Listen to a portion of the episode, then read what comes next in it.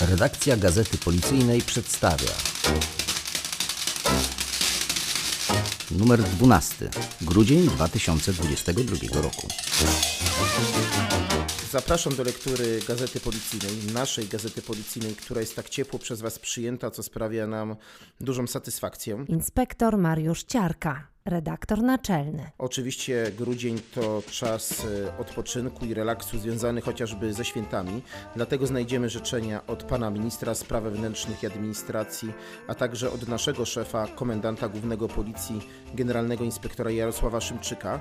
Do tych życzeń przykładamy się również my, przyłączamy się całą redakcją, a więc również życzymy wszystkiego dobrego, dużo zdrowia, szczęścia, bezpieczeństwa przede wszystkim.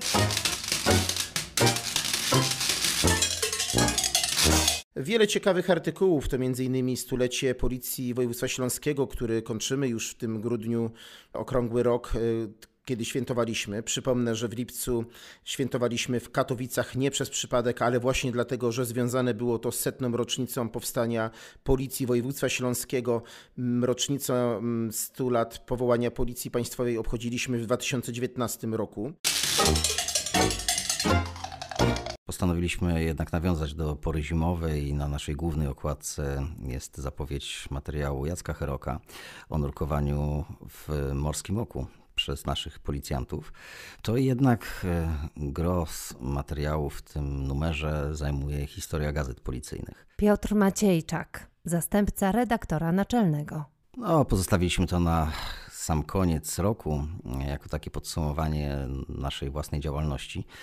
Przyznam, że ten temat nigdy do tej pory nie był jakoś e, przez historyków opracowany. Były jakieś tam prace magisterskie, niektórzy próbowali coś tam zbierać, ale jednak e, nie było takiej monografii gazet e, policyjnych, a wychodzą w zasadzie od samego początku istnienia tej e, służby.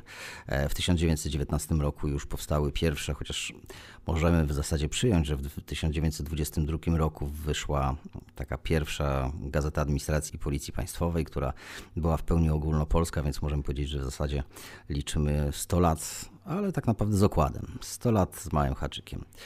Ciekawy materiał, ciekawe opracowanie. Iza stanęła jak zwykle na wysokości zadania, jeżeli chodzi o zebranie materiału historycznego i poddanie go analizie. No, jesteśmy kroniką formacji. Tak jest do dzisiaj, pomimo tego, że trochę nasza funkcja się zmieniła, o czym już na pewno wspomni nasz redaktor naczelny Mariusz Ciarka, to jednak rola kroniki wydarzeń policji no, w dalszym ciągu obowiązuje i takie jest nasze główne zadanie. Przewertowałam tysiące stron policyjnych gazet, żeby napisać ten jeden krótki w sumie artykuł. Izabela Pajdała-Kusińska, dziennikarka. Czasopisma resortowe od 100 lat towarzyszą policjantom.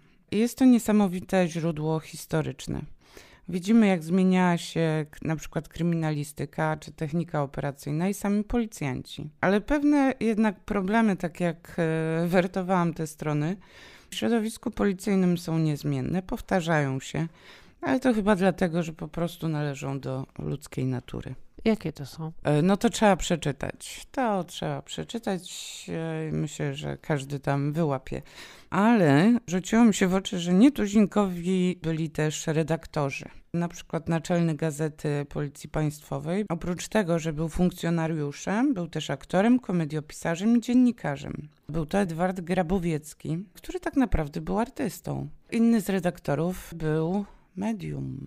Ale to trzeba też przeczytać e, cały artykuł, żeby nie będę tu zdradzać za dużo. Miał rubrykę horoskopy. Nie, nie, bardzo poważne rzeczy pisał. Natomiast po godzinach w Warszawie królował jako medium, przesuwał meble i tak dalej. Ale na przykład do tygodnika na posterunku pisali też naprawdę nietuzinkowi autorzy. Kornel Makuszyński, Maria Konopnicka, Leopold Staw, sławna Deotyma, czyli Jadwiga Łuszczewska, nawet Jan Parandowski. Też takie no, odkrycie, wydawałoby się, że to tylko i wyłącznie surowa policyjna robota. Nie, tam też jest literatura. Tak się złożyło, że dostałem takie zadanie spotkać się z panią Elżbietą Cierlicą, która była redaktorem naczelnym i magazynu kryminalnego 997 i gazety policyjnej, które w pewnym momencie były na przemian wydawane. Paweł Ostaszewski, dziennikarz. Niestety, no, miejsca było tyle, ile było, więc się wiele rzeczy nie zmieściło. Może kiedyś uda się do tego wrócić. No, zachęcam do przeczytania. W tym numerze ukazało się bardzo historyczne zdjęcie. Wcale nie jakieś stare, tylko aktualne redakcji Gazety Policyjnej, czyż nie? No, oczywiście ukazało się i na nim jesteśmy wszyscy, ale pani tam brakuje, nie wiem dlaczego. Gazeta policyjna cieszy się dużą sympatią i rozwija się tak samo, jak rozwija się naokoło nas społeczeństwo.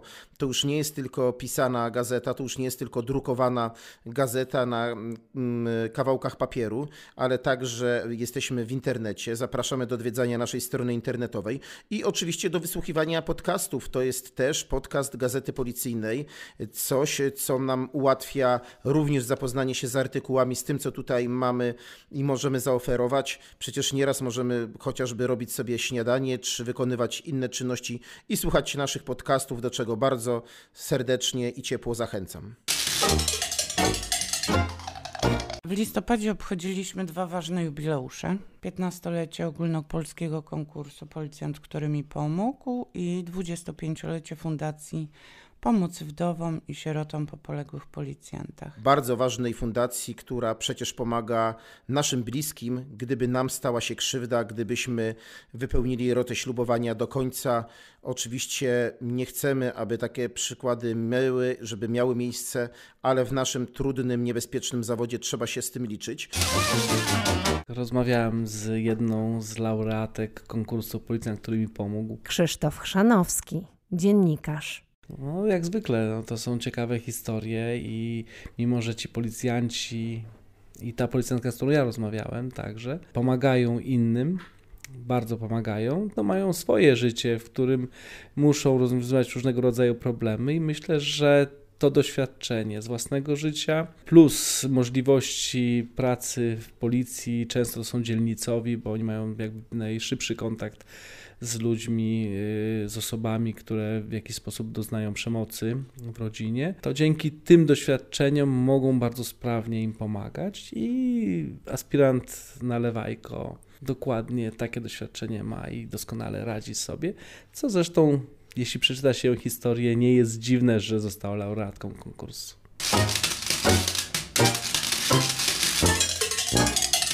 Polecam szczególnie wywiad z szefem nowego biura, Centralnego Biura Zwalczania Cyberprzestępczości, z nadinspektorem Adamem Cieślakiem, który opowiada o tym, po co to biuro powstało, jak funkcjonuje. To jest ważna komórka w dzisiejszych czasach komputeryzacji, tak zwanej globalnej wioski, która bardzo zmniejszyła odległości. Ta przestępczość w dużej mierze przeniosła się do, do sieci internet. To też jest dosyć istotne, żeby to wyjaśnić. Tak naprawdę cyberprzestępczość nie jest jakąś totalnie osobną dziedziną przestępczości.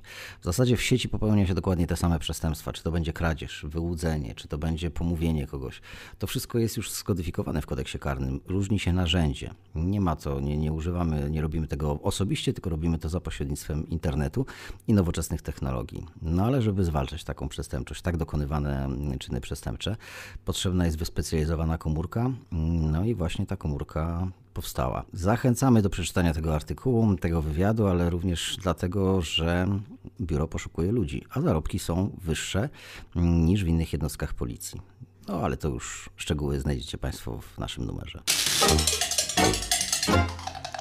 Byliśmy w tym roku razem z Jackiem Herokiem, naszym fotografem, na kolejnym poligonie zorganizowanym przez Główny Sztab Komend Głównej Policji, który był w żaglaniu. Andrzej Chyliński, dziennikarz. To było podsumowanie wszystkich poprzednich poligonów zorganizowanych w tym roku i w minionych latach. Było około 600 policjantów, funkcjonariusze oddziału prowincji policji z całego kraju, także no, w końcu się wszyscy ze sobą spotkali. Tydzień bardzo ciekawych, bardzo intensywnych ćwiczeń. W końcu października było niemalże jak latem, bardzo ciepło słonecznie, sucho, bo gdyby było mokro i deszczowo, to by to wszystko było inaczej.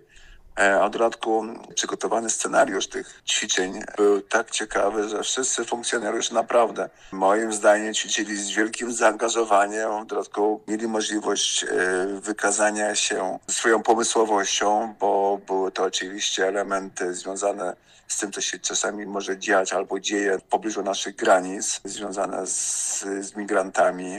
Także no tutaj mieli naprawdę pole do popisu i no nie o wszystkim możemy mówić, żeby nie zdradzać, co jest w gazecie. W każdym razie znowu ćwiczenia były i w dzień, i nocą. W dodatku niektórzy policjanci, wszyscy tam obecni policjanci mieli okazję przelecieć śmigłowcem Mi-8. To był element ćwiczeń, żeby ćwiczyć działania desantowe. Naprawdę widać było po zaangażowaniu, po zadowolonych, uśmiechniętych twarzach, że, że takie ćwiczenia są naprawdę w policji potrzebne i, i dużo wszystkim dają. I ty i Jacek mieliście też zadowolone twarze? No oczywiście, oczywiście. Jeszcze muszę tutaj podkreślić i dodać, że zdjęcia, które zrobił Jacek do tego e, materiału są naprawdę wszystkie kalendarzowe, jak to się mówi między nami.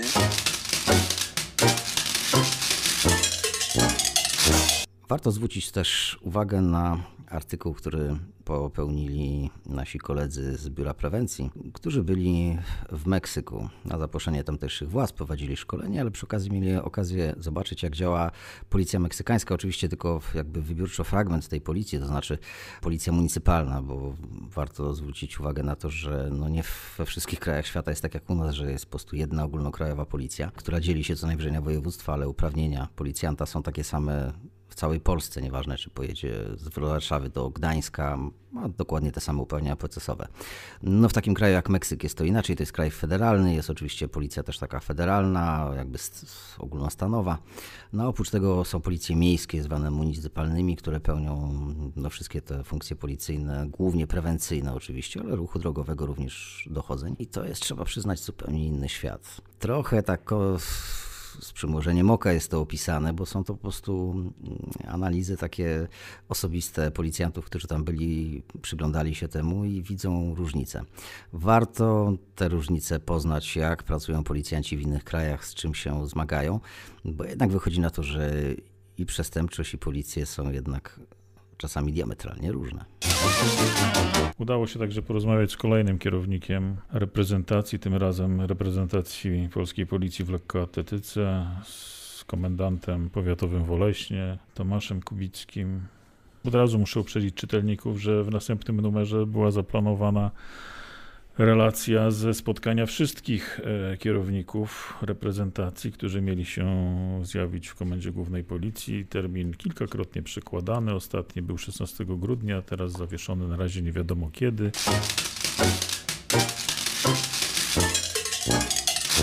A poza tym trochę rzeczy ze sportu, który się odradza po pandemii, no i trochę rzeczy tutaj wartych odnotowania, które dzieją się w województwach w związku z upamiętnieniem policyjnych naszych antenatów.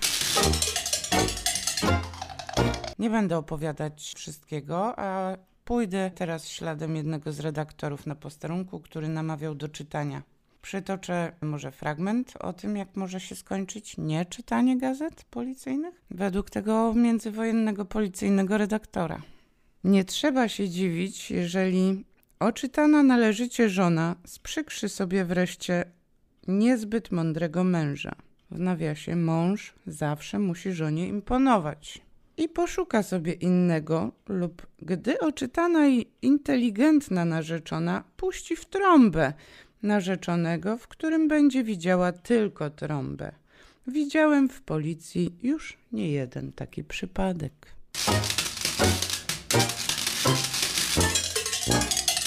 Serdecznie dziękuję, drogie czytelniczki i drodzy czytelnicy, za bycie razem z nami.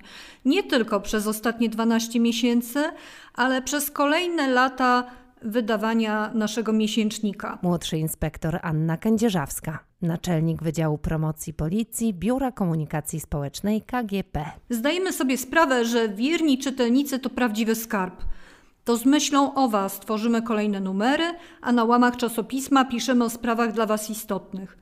Nadal chcemy i będziemy odpowiadać na Wasze potrzeby, uważnie wsłuchując się w sugestie co do tematyki poszczególnych numerów. W imieniu całego Wydziału Promocji Policji, którego gazeta jest bardzo ważnym elementem i częścią, składam Wam najserdeczniejsze życzenia świąteczne. Życzę wspaniałej, rodzinnej atmosfery przy wigilijnym stole, oddechu od codziennych obowiązków a w nadchodzącym roku wytrwałości w dążeniu do osiągnięcia sukcesów zawodowych i prywatnych. Jako redaktor naczelny w imieniu całej redakcji Gazety Policyjnej życzymy wszystkim naszym czytelnikom dużo zdrowia, szczęścia, pomyślności, bezpieczeństwa. Bezpieczeństwo jest bardzo ważne w tych czasach, kiedy widzimy, co dzieje się na świecie za naszą wschodnią granicą. I jak zawsze liczymy na dobrą współpracę z Wami, bo to Wy kreujecie tą gazetę, to wy decydujecie, jakie artykuły mają się pojawiać, dlatego liczymy cały czas na listy od was, na wasze sugestie, na wasze pomysły. A co w styczniu? No w styczniowym numerze e, planujemy m.in. dość ciekawy materiał, który ma przybliżyć policjantom strażaków. To się takie wydaje oczywiste, no przecież współpracują ze sobą na co dzień, jak są wydarzenia jakieś, czy pożar, czy kogoś trzeba wyjąć z mm, jakiegoś zawalonego budynku, no to ze strażakami policjanci dość często współdziałają. Ale jakby zapytać policjanta, no dobrze, jaka jest struktura Straży Pożarnej? Jakie są zasady przez nich podejmowania tych działań? Jak oni się nawzajem ubezpieczają? Czy dokumentują te swoje działania? Czy prowadzą tak zwane śledztwo pożarowe? No na te wszystkie pytania postanowiliśmy Wam odpowiedzieć i znajdziecie to w styczniowym numerze.